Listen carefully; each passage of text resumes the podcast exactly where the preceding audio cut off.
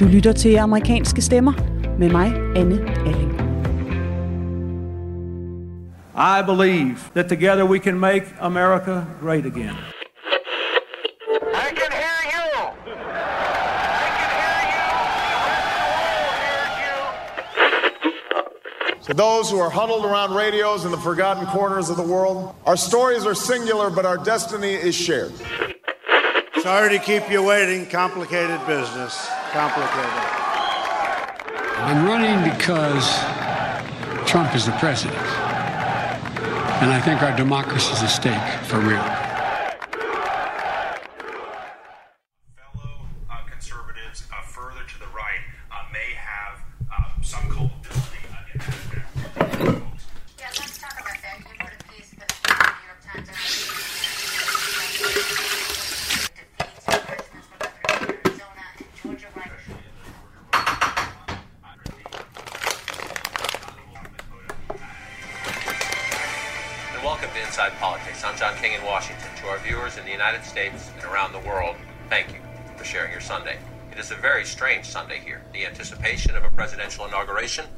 Colliding with palpable anxiety. What law enforcement sources tell us are credible threats of violence in and around the nation's capital. There are 20,000 plus troops deployed here. Fences, concertina wire, block off areas where we would normally see crowds and celebrations this week. The coronavirus pandemic had already forced a scaled back inauguration. Now, the threat of domestic terrorism by supporters of President Trump add unprecedented stress to what is supposed to be America's defining moment. Det er øh, søndag, og øh, er en virkelig mærkelig dag, og en, og en mærkelig uge, som er i gang med at begynde. På øh, onsdag, der er det slut med, med Trump som præsident, og stadigvæk, der synes rigtig meget i USA mere usikkert, end, øh, end jeg nogensinde har oplevet det, i hvert fald i min tid, jeg har boet her. Det er en, øh, en skilsættende dag i dag, fordi der øh, siden angrebet på kongressen, der har der været forberedelser, snak om, at her i dag, søndag, den sidste søndag i Trumps præsidentembede, at der skulle være planlæg- planlagt demonstrationer, protester mod regeringsbygninger rundt i alle 50 delstater. Og så samtidig, så ved man ikke rigtig noget om det. Der er ikke nogen planlagte protester. Der er ikke nogen, der har bedt om tilladelse til at demonstrere nogen steder øh, rundt. I alle 50 delstater, der er politi, og i mange af delstaterne også Nationalgarden, øh, sat i højeste beredskab og afventer for at se, hvad der kommer til at ske. There's a great deal of very concerning chatter, and it's what you don't know that we are preparing for. Det er det, vi ikke ved, som vi forbereder os på, understreger FBI's talsmand i morgennyhederne. Og som journalist forsøger jeg at gøre det samme. For hvor tager man hen, når der er sandsynlighed for oprør i alle 50 delstater, men samtidig ingen garanti om, at noget som helst kommer til at ske? Folk de taler om borgerkrig, som vi også hørte i udsendelsen i, i sidste uge. Øhm, et, øh, et meget voldsomt ord, som også virker ret surrealistisk, når jeg sådan står og kigger ud af mit vindue nu, hvor alt synes stille og fredeligt. Der er nogen, der er ude og morgenløbe, og andre, der er på vej op for at handle og købe morgenmad. Øh, og samtidig så er der denne her konstante følelse af, af uro og usikkerhed i alle, tror jeg, og altså ikke mindst i dag. To find out more tips for disaster preparation, go to disasterchecklist.org. Jeg har sovet uroligt. Aftenen inden morgen her kørte der oplysningskampagner i fjernsynet om, hvordan man forbereder sig på katastrofer. Efterfulgt af flere advarsler om, hvordan man bedst sikrer sig mod coronaen. Social distancing is deliberately increasing the physical space between people to avoid spreading germs. While regulations may Det kan godt være, at underlægningsmusikken er mere munter her end i nyhederne, men ligegyldigt hvor du kigger hen, bliver du mødt af et billede af USA i krise. En krise, som Joe Biden i denne uge overtog håndteringen af, midt i trusler om vold mod demokratiet, men til en indsættelse, der endte med at foregå fredeligt. Så hvad skete der i løbet af indsættelsesugen? Hvad blev der af de frygtede demonstrationer, den varslede vold og snakken i medierne om reel borgerkrig? Og hvordan oplevede amerikanerne overgangen? Det er det, programmet handler om i denne uge, hvor jeg har fulgt to dybt loyale Trump-støtter, mens deres mand måtte give slip på magten, og hvor jeg også taler med en amerikansk krigsveteran om, hvordan det har føles at se sit land i en lockdown-tilstand, der normalt hører krigszoner til. Du lytter til den første omgang amerikanske stemmer i Bidens USA her på Radio 4. Mit navn er Anne Alling. Velkommen til.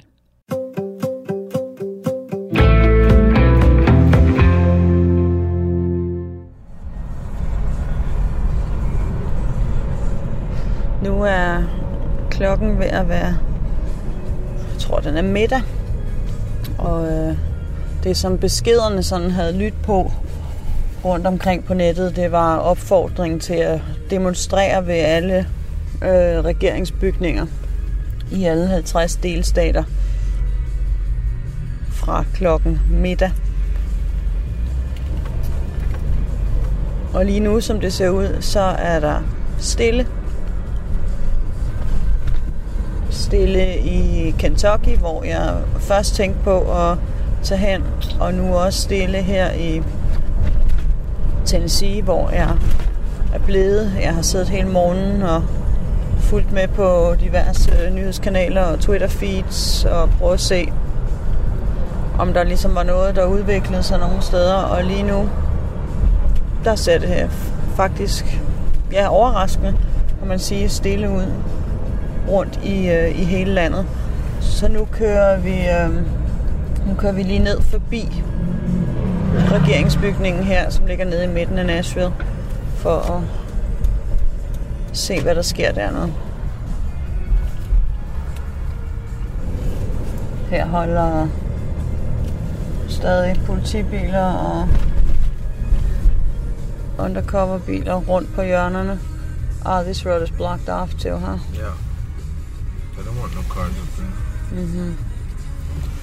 Og her er fuldstændig spærret af på den vej, som normalt leder op til.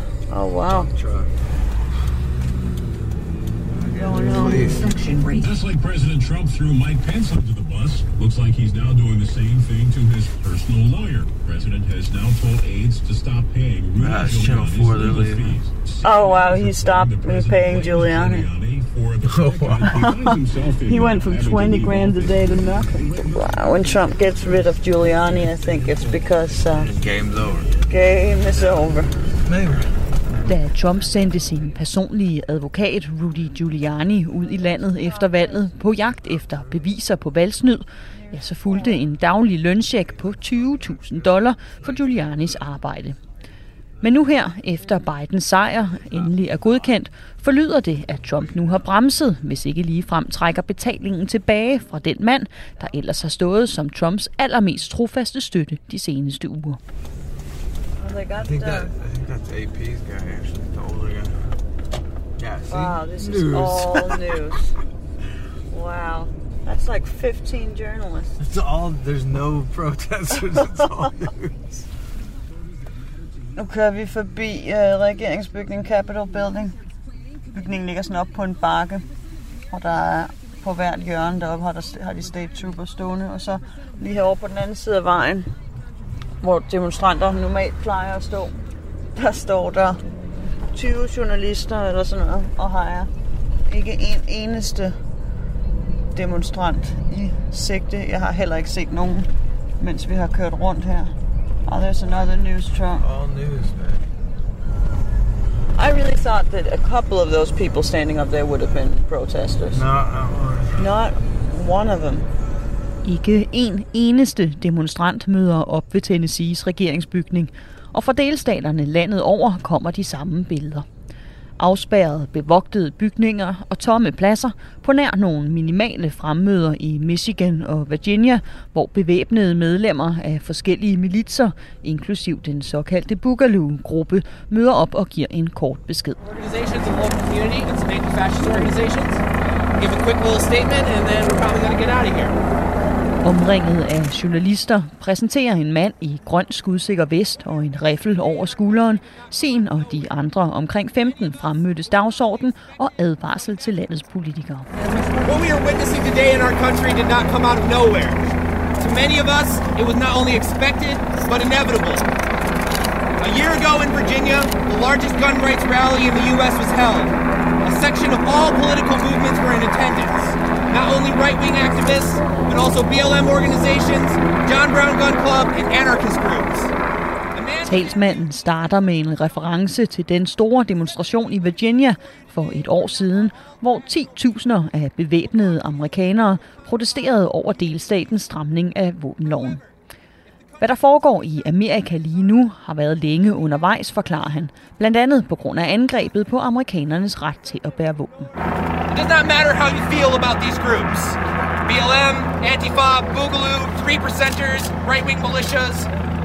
They are not the irrational ones. If the government continues to be illegitimate and tyrannical and uncaring, this summer will be nothing compared to what is to come. Det er ikke grupperne her, der er de irrationelle, men derimod politikerne, lyder det. Og hvis tyrannien fortsætter, vil sidste sommers demonstrationer over raceulighed og politivold være peanuts i forhold til, hvad der venter. Mændene er vrede på systemet, men har hverken Trump eller Stop the Steal flag med. De militsmedlemmer, som de altid har eksisteret i USA, og er ikke kommet for hverken Trump eller valgresultatets skyld. Remember when this uh, parking lot was packed for the George Floyd protest? Oh, yes. They don't even have. Tilbage i Tennessee kører jeg forbi parkeringspladsen bag regeringsbygningen, der tilbage i sommer var proppet med 10.000 af mennesker og biler på vej til demonstration over drabet på George Floyd. Like when was that? That was in May, right? It was for weeks just packed and packed and packed with protesters in a red state for Black Lives Matter. And now there's nothing. I ugevis demonstrerede 10.000 af mennesker for Black Lives Matters dagsorden midt i den ærke republikanske Tennessee, der var en af de delstater, der stemte allermest på Trump. Og nu, efter uger snak om protester mod valgresultatet og advarsler om vold i en historisk splittet tid, så er der altså ikke en eneste Trump-tilhænger, der er mødt op i præsidentens navn. What do you want to do? Get some coffee? Mens jeg drikker kaffe, kan jeg se i nyhederne, at der heller ikke er mødt nogen op til demonstration i Texas. Texas, hvor jeg ellers i løbet af årene har mødt nogle af de allermest trofaste Trump-støtter. En af dem er Doc Green, den konservative radiovært, som nogen måske kan huske fra et af de tidligere programmer.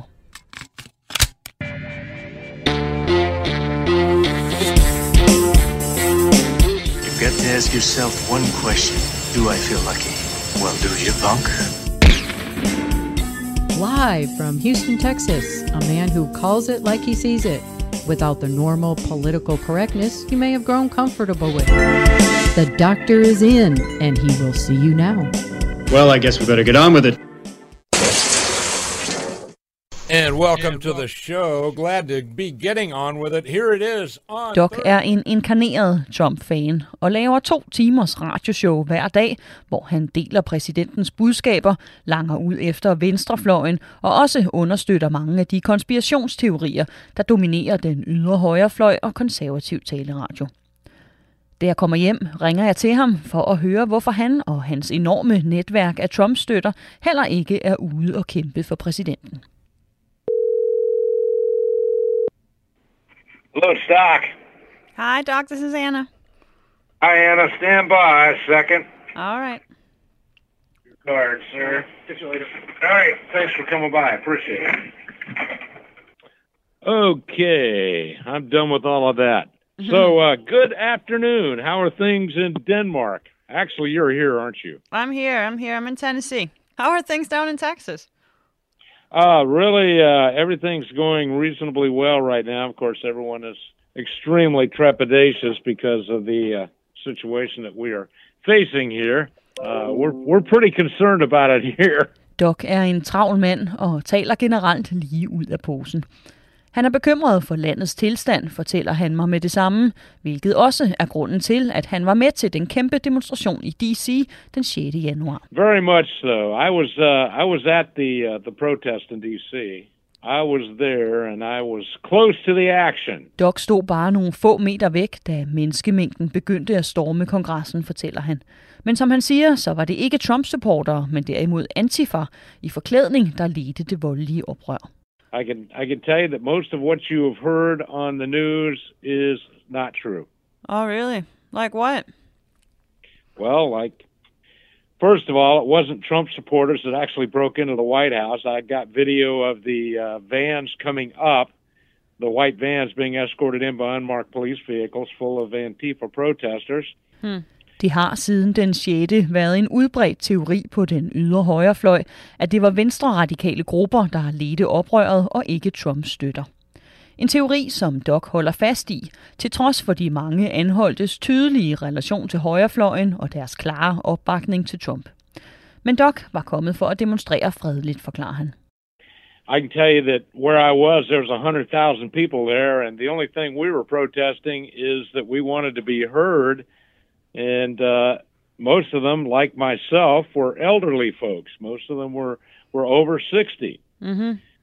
and most of them were veterans, and they were just there uh, just to be seen and to let our our people in Congress know that we were standing with Donald Trump, and we expected them to not go along with the fraud. Mm-hmm. Doc var kommet for at gøre det klart, at han ikke vil acceptere det, som han ser som et korrupt valgresultat. Vi tager diskussionen om, hvordan han stadig kan mene, det er korrupt, efter de utallige retssager, der ikke er kommet nogen vegne og manglen på beviser. Men også her mener Doc, at der er korruption på spil og holder fast i sin tro på Trumps sejr. Han er 100% lojal over for præsidenten, og det var netop Trump, der personligt fik ham til at møde op i D.C. den 6. Now, Donald Trump gave a simple two or three minute message and over a million Americans showed up. Mm-hmm. And over a million Americans showed up based on one short broadcast, which did not ask for any violence, nor did it indicate in any way that there should be violence. Doc tog til D.C. for at demonstrere, fordi Trump i en videohilsen bad ham og sine millioner andre af støtter om at gøre det. En demonstration, som Doc ikke mener Trump på nogen måde opfordrede til skulle være voldelig. Og siden da, der har Trump ikke opfordret til nye demonstrationer, hvad også er med til at få Doc til at tro, at de online opfordringer til protester rundt i landet i denne uge er en fælde. So, but what was, do you know, like, was there like an overall message for the, for the demonstrations today? Well, I think the overall message for the demonstrations today was they were simply trying to get an opportunity to tar and feather uh, the the uh, constitutionalists, conservatives, uh, even, if you will, Republicans. Mm-hmm. I think that was the message today. I encouraged all of my listeners and, and the people in my circle, I said, do not participate in these. Do not show up. Mm. Why'd you do that? So, well, because I believe it was a trap. De seneste uger har Doc opfordret alle sine lyttere til at blive hjemme og ikke tage ud og protestere igen efter den 6. Det er en fælde, advarer han dem. En fælde for at få Trump-støtter ud i offentligheden, for at kunne beskylde dem for at stå bag stormen på kongressen. Og Docs opfordring er altså kommet samtidig med, at Trump også i sine videohilsner har sagt til sine støtter, at de skal gå hjem, og det er tid til en fredelig overdragelse af magten. En udmelding, som Doc dog på ingen måde mener betyder, at Trump er på vej ud af det hvide hus. Why did you say? Do you say? I mean, it was it was a long battle all the way from November third, and like, why do you think that Trump now? You know, he came out in that video last time and said it was, you know, now he would do like a peaceful transition of power. Did he give up, or like, why do you think Well, he? Did did you actually hear the uh, or, or watch the speech yourself? Yeah, the one, the the video message, right? Yes. mm-hmm. You actually watched it. Mm-hmm. At no point in time did he declare that he conceded. Mm-hmm. At no point in time did he recognize Joe Biden as the president elect.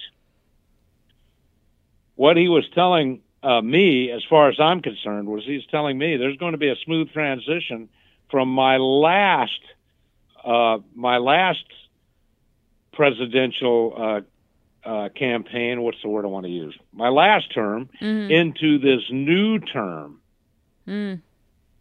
and Donald Trump will be there, and he'll have a different vice president. But that's that's what I heard, and I mean, you may want to hang up on me now, but I, I will tell you this: that I honestly believe that Donald Trump is going to be president for the next four years. I'm expecting amazing things to happen during the next three days.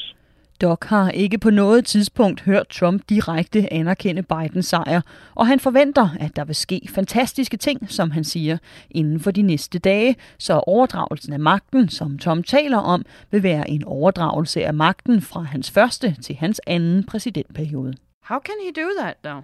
Well, I have lots of sources that feed me stuff. Mm-hmm.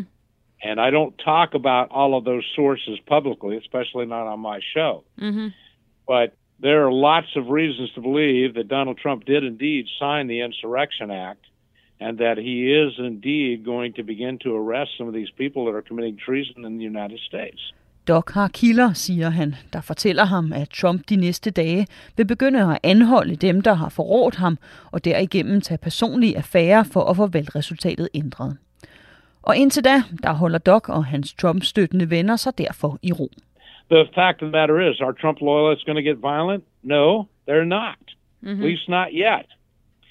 Now, I can pretty much assure you, if Joe Biden is inaugurated on the 20th, and I think that seems very unlikely, but if it does indeed happen and he walks into that Oval Office, there is going to be a quote civil unquote war in America.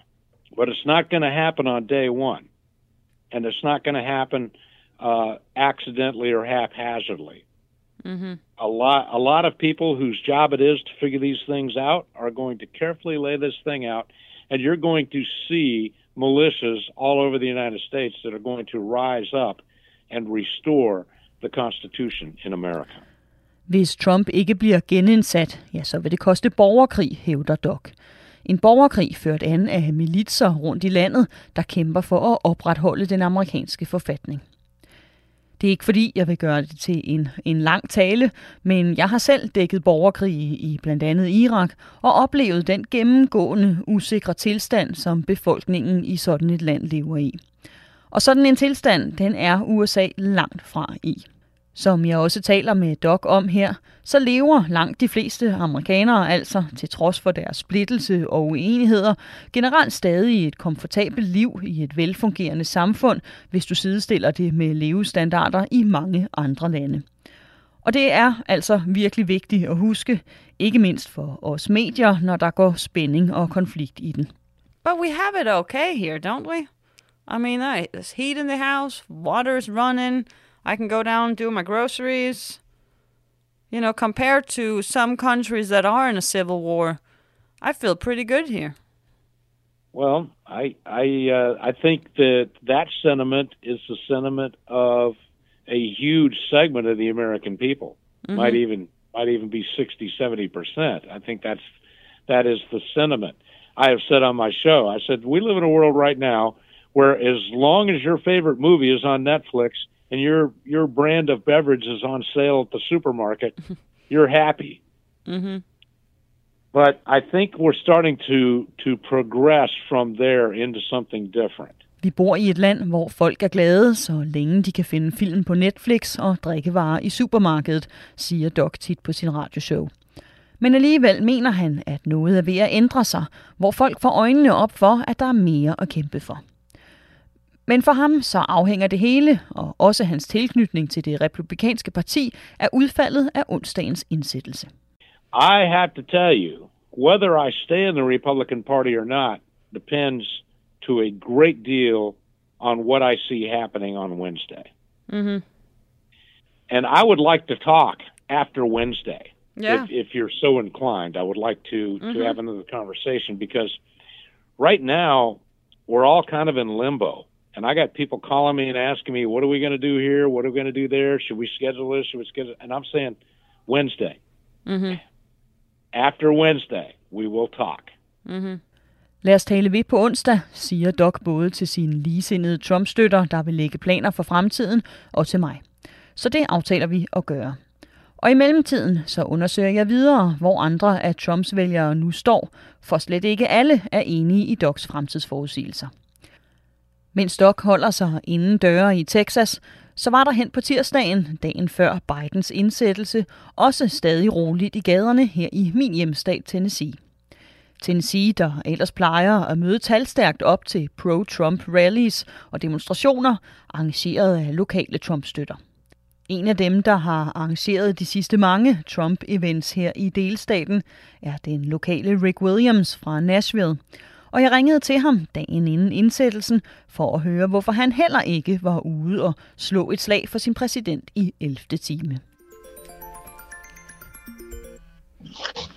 Hi, Rick. Good morning. Finally, I've got time, and nobody's going to interrupt us. Ah, sounds good. How are you doing, Rick?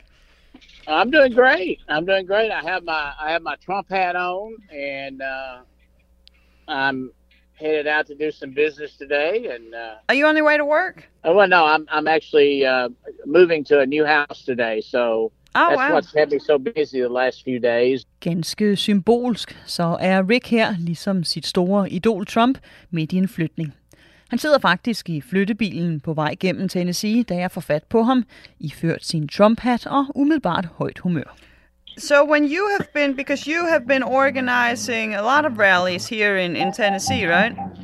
Yes. Uh huh. And, and what have you? Why, why have you been doing that? Well, I'm a, the rallies I've been uh, organizing is um, was Stop the Steal rally. We believe, I still believe, there was probably some um, um, some fraud involved in the election or some cheating. I mean, it just there's too much out there to believe that there wasn't. Mm-hmm. Rick har været hovedarrangør på flere Stop the Steal rallies efter valget, og var også arrangør på den største rally i Tennessee dagen inden valgdagen. I actually organized the biggest Trump rally in the state on the Sunday before the election.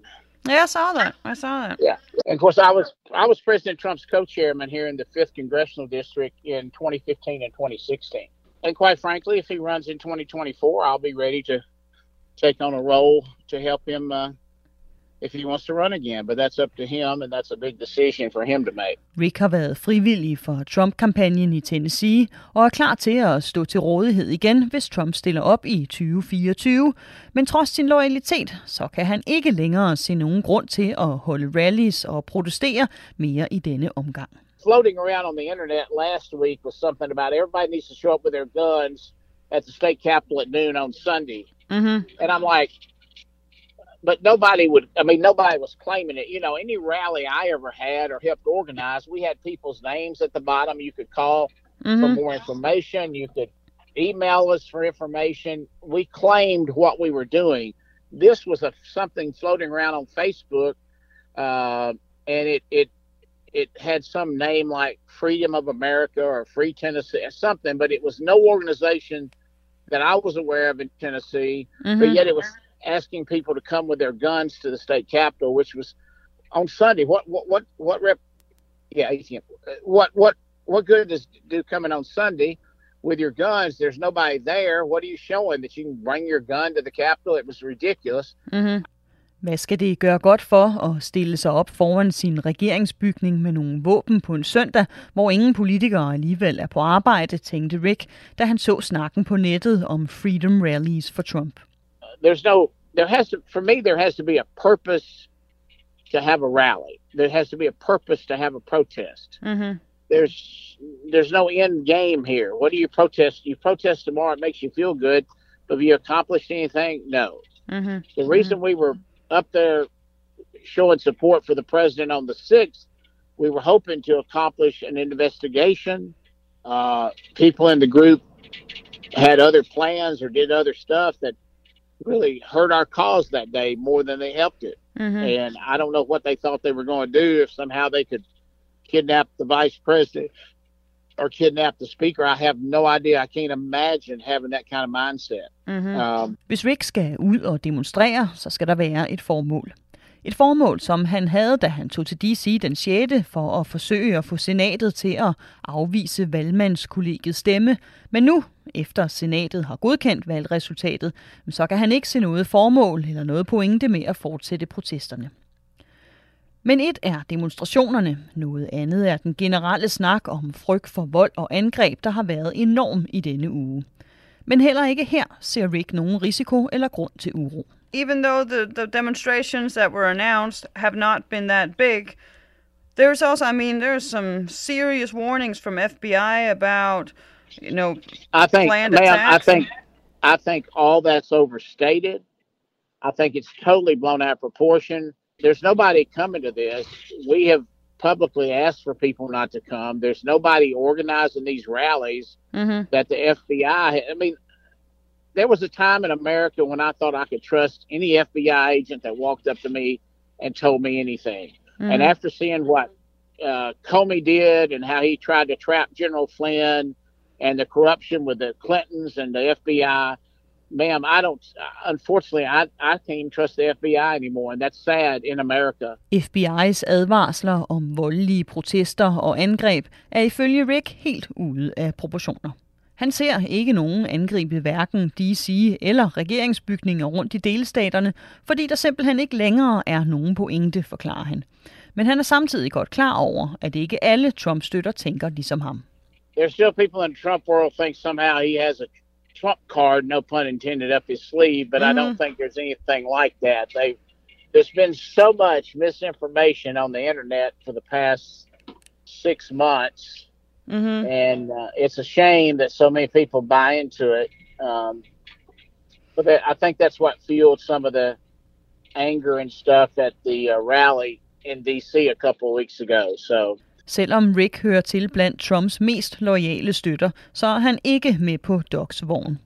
Han tror ikke på, at Trump har en trumf i ærmet og vil blive på magten efter indsættelsen, og synes, at det er en skam, at der er så mange af hans ellers ligesindede Trump-tilhængere, der tror på den teori. I mean, there's people out there that think Trump is going to declare martial law and and make the military take over and, and redo the election. There are people out there that thinks he has all these criminal charges he's going to bring up on Pelosi and Schumer and Mm-hmm. and the military is going to go arrest him. I mean, it's so far fetched. If you just thought through it for a few minutes, you would know that it's not true.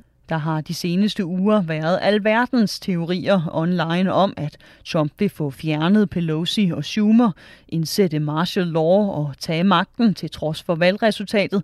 Men Rick køber altså hverken deres eller FBI's teorier om oprør i horisonten fra den ene eller anden front. Tværtimod så er han ked af at se, hvorvidt det er kommet, både blandt Trumps støtter, men også i D.C., hvor soldaterne har bevogtet hvert et gadehjørne den seneste uge. I mean, it's sad you get elected and you have to have 25,000 guardsmen guard your uh, inauguration. I mean, I mean, it's it's sad that you don't have more support. Mhm. Obviously, half of America don't think he he won the election, and I think they're going to continue to feel that way. But I don't think nobody at this point Det er sørgeligt, at der er brug for 25.000 soldater til at bevogte en ny præsidents indsættelse, og den halvdel af amerikanerne, der mener, at Biden snød sig til sejren, vil blive ved med at have den holdning, mener Rick. Og bedrøvelsen over gadebilledet i D.C. i denne uge, jamen den deler Rick med den næste amerikanske stemme, vi skal møde. Nemlig den 43-årige tidligere soldat og udsendte i Irak, Ted Corcoran. Hello, this is Ted. Hi, Ted. This is Anna. How are you? I'm good. I'm good. Is this a good time? No, this is perfect. Awesome. Mens Rick og Doc giver et indblik i stemningen hos Trumps støtter her i indsættelsesugen, så ringer jeg til tæt her for at få hans vurdering af trusselbilledet fra en mere professionel militær vinkel, og også hvordan det har været for ham som amerikansk soldat at se sin hovedstad så tæt bevogtet og høre den sammenlignet med krigszoner som Irak, hvor han selv har været udstationeret. I got to think about you and was curious and was wondering how you, was, because in the news, you know, they keep talking about like comparing this security setup we're seeing in DC to the green zone and comparing it to, you know, war zones. And then I was wondering how you kind of feel about this as a vet, seeing your own capital looking like this. It does bring me back to my time in Iraq. One of my unit's main jobs was base security. And so um, I draw a lot of parallels to actually what we've seen recently in Iraq, where there were large protests and we pulled people out of the embassy. At se billederne af kongressen, der blev overrendt, mindede tæt om hans tid i Irak, og især om de store protester i landet sidste år, der fik USA til at evakuere deres folk fra ambassaden. Et minde, der skræmte ham og skulle opleve i sit eget land. Because I, I've put myself in the shoes of the Capitol Police. There's always that fear of being overwhelmed by a crowd. Yeah. Um, it was always my fear in Iraq. It, seeing it playing out um, in our capital really is just frightening. Som soldat havde tæt altid frygten for at blive overrumplet af en stor gruppe mennesker, men samtidig så skaber det enorme sikkerhedsopbud, som nu er sat ind i DC for at forhindre, at det sker igen, også et forkert og skadende billede af det amerikanske militær, USA i det hele taget mener tæt. If I was 18 years old, based off of what I've seen over the past four years, I would not consider joining the military at this point. Why not? Um, the disrespect to the military, being using it as a military force. How many times have we heard martial law be thrown around in discussions, even within the past month, but even within the past year? Mm-hmm. It's creating this perception that it's a police force Mm-hmm. rather than a military force and a tool to go and protect the citizens of our, our world. Den seneste brug af militæret, både i DC i denne uge, men også i løbet af for eksempel Black Lives Matter-demonstrationerne landet over, hvor Nationalgarden også blev sendt ind, har ifølge tæt skabt et billede af det amerikanske militær som en national politistyrke, frem for et værktøj til at beskytte den amerikanske befolkning mod udefrakommende trusler. Et billede, som tæt er overbevist om, at også militæret selv er bekymret over i disse dage. But one of the reasons why the National Guard didn't immediately come and reinforce the, the Capitol Police is that one of the generals stated that he didn't want the image of National Guards standing in a line in front of the Capitol, Mm-hmm. which is completely insane because they did that at the Lincoln Memorial just months earlier for Black Lives Matter protests. Mm-hmm. But you can tell that that line of thinking is going through the military right now. En af begrundelserne for, at Nationalgarden kom kongressens politi så sent til undsætning, var netop, at gardens general ikke ønskede billedet af sine soldater, der måtte beskytte kongressen, ud i offentligheden. Men det skete, og i løbet af denne uge kommer der så yderligere pletter på militærets ry, da 12 soldater fra Nationalgarden blev fjernet fra DC, efter at FBI havde fundet forbindelser mellem dem og de højere ekstreme grupper. I just saw now on my phone that that they um, they removed the National Guard troops from DC, suspecting them from having affiliation to some of these groups. Is that Yep. surprising to you?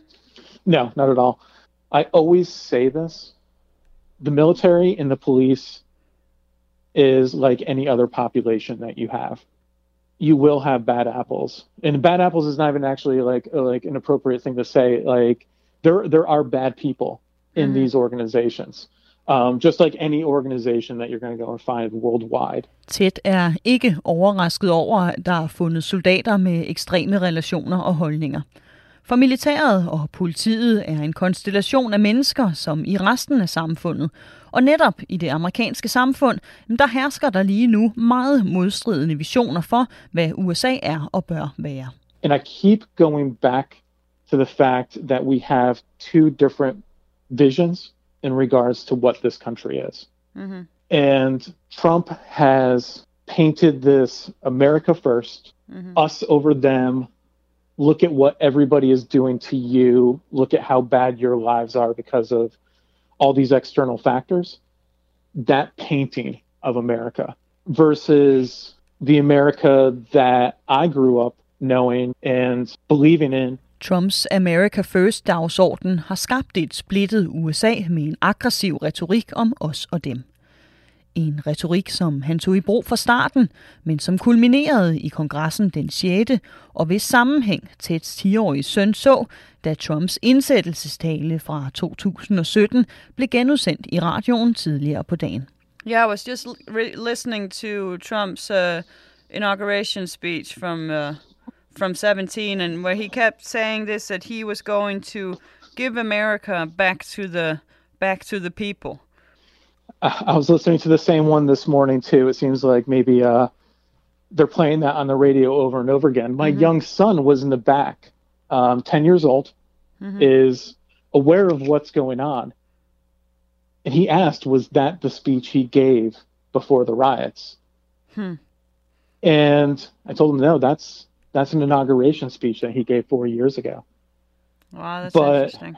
Yeah, and from the mouth of babes, like that he was able to go and make that connection. hmm but the rhetoric has remained the same over the past four years. It would make it makes complete sense how that you would think that that was something that he said in front of that crowd. Er det talen, som Trump gav på dagen, hvor kongressen blev stormet, spurgte Teds søn, da han hørte indsættelsestalen. En forbindelse, der giver fuldstændig mening for Ted, og en retorik, som han mener har ledt til den situation, USA står i i dag. Men i modsætning til Doc, og også hvad mange både amerikanske, danske og internationale medier har talt om de seneste uger, så ser soldaten Ted, der selv altså har oplevet borgerkrig på helt tæt hold, ikke situationen i USA som kan på kanten til folkeligt oprør. I don't see a large crowd showing up like what happened on January 6th. Mm-hmm. I think you might have select groups with, you know, maybe 20, 30, maybe 100 people that might attempt to cause trouble. My biggest concern is the lone wolf. Mm-hmm. Is this is now a situation where masses of people are going to have a really difficult time causing problems, but there's always that one person. And all it takes is one person to go and cause a terrorist attack. Med det sikkerhedsopbud, der er i USA i de her dage, så frygter Ted ikke det store folkelige oprør. Men han mener derimod, at den største trussel er den enlige ulv, den ene person, der ønsker at gøre skade og udføre terror. En opfattelse, der stemmer overens med, hvad jeg hører fra folk som Rick og også republikaneren Mike, som vi mødte i sidste uge.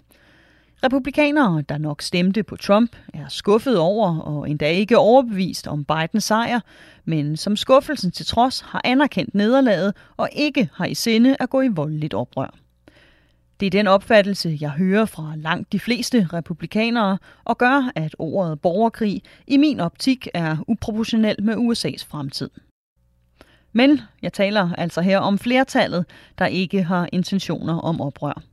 Der er stadig mindre grupper, der taler om oprør, hvor til for eksempel Doc hører, og ham aftalte jeg jo at ringe tilbage til efter indsættelsen i onsdags.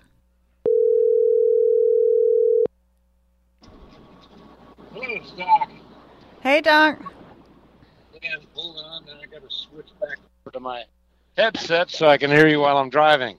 Yeah, now I hear you. Okay, great. I've got you there. Good, good. You driving? Yep, I am driving, but I got about 20 minutes on this drive, so it's a great time to chat with you. Perfect, perfect. Yeah, here we have it, huh?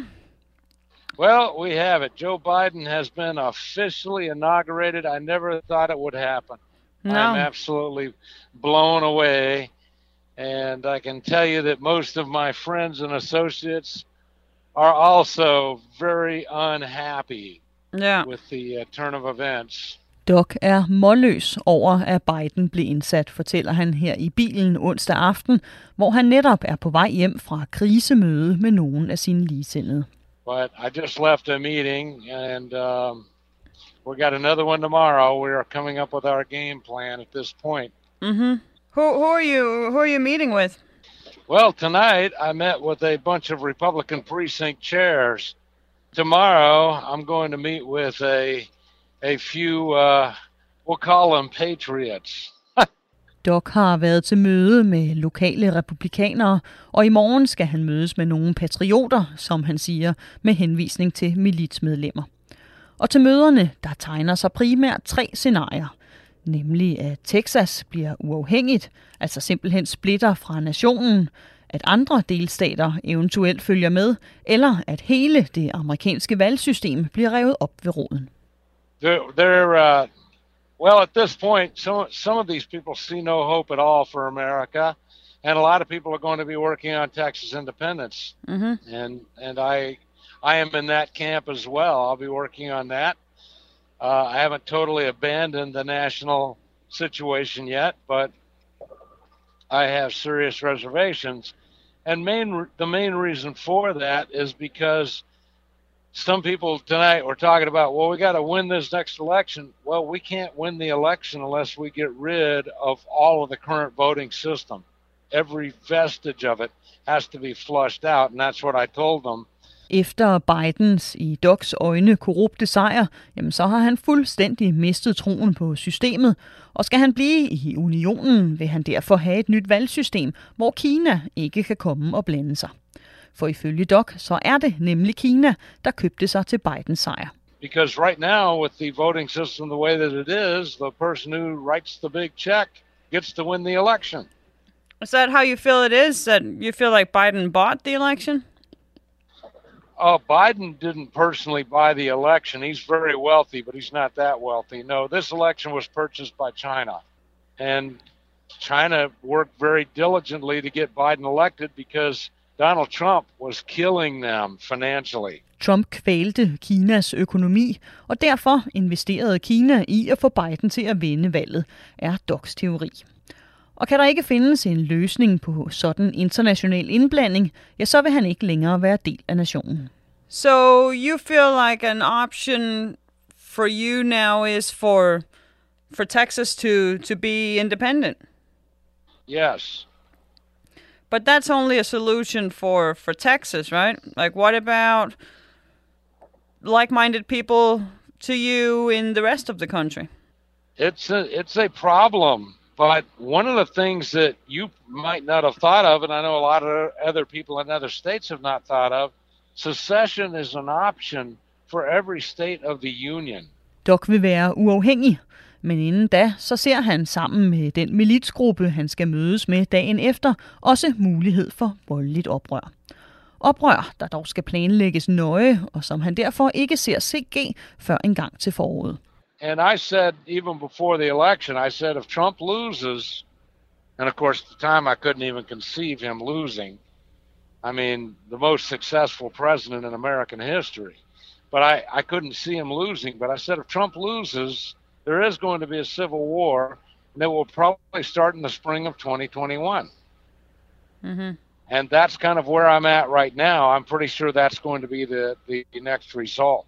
I'm looking toward other ways to keep that from happening, but I think that's going to be the end result. Is 2021 spring, we're going to see a very organized uh, civil war, and it'll be started by local militias. Doc kalder oprøret fra militserne for en borgerkrig. En betegnelse, jeg altså har diskuteret med ham før, men som han mener er uundgåelig, hvis socialismen rammer USA. Civil war is such a big word, though, huh? That is huge. Well, I think that a lot of people realize we've just let things go for so long, and now here we are. We've we've lost control. We've lost everything, and a lot of us completely understand that socialism has never worked anywhere that has ever been tried, and mm-hmm. so it's unlikely to work here. Så mange andre Trump-støtter, jeg har talt med i løbet af valgåret, jamen så mener Doc, at Bidens politik vil udvikle sig til socialisme. En udvikling, han ikke vil acceptere. Men der er reelt ingen sammenhæng mellem Bidens politik og en socialistisk ideologi. En snak, jeg også har taget med Doc før, men som jeg gemmer her, og bare håber vil betyde, at Doc med tiden lægger stridsøksen fra sig, som Biden får udrullet sin politik og forhåbentlig beroliget de nervøse gemytter. Og så er der en anden mulighed, som Doc her til sidst selv nævner, nemlig at han kan finde hjemme i et nyt parti. Det parti, som der de seneste dage er gået rygter om, at Trump vil starte. So we talked about the other day, like if you if you still consider yourself a Republican, if you still feel like you will stay with the Republican Party, where are you on that?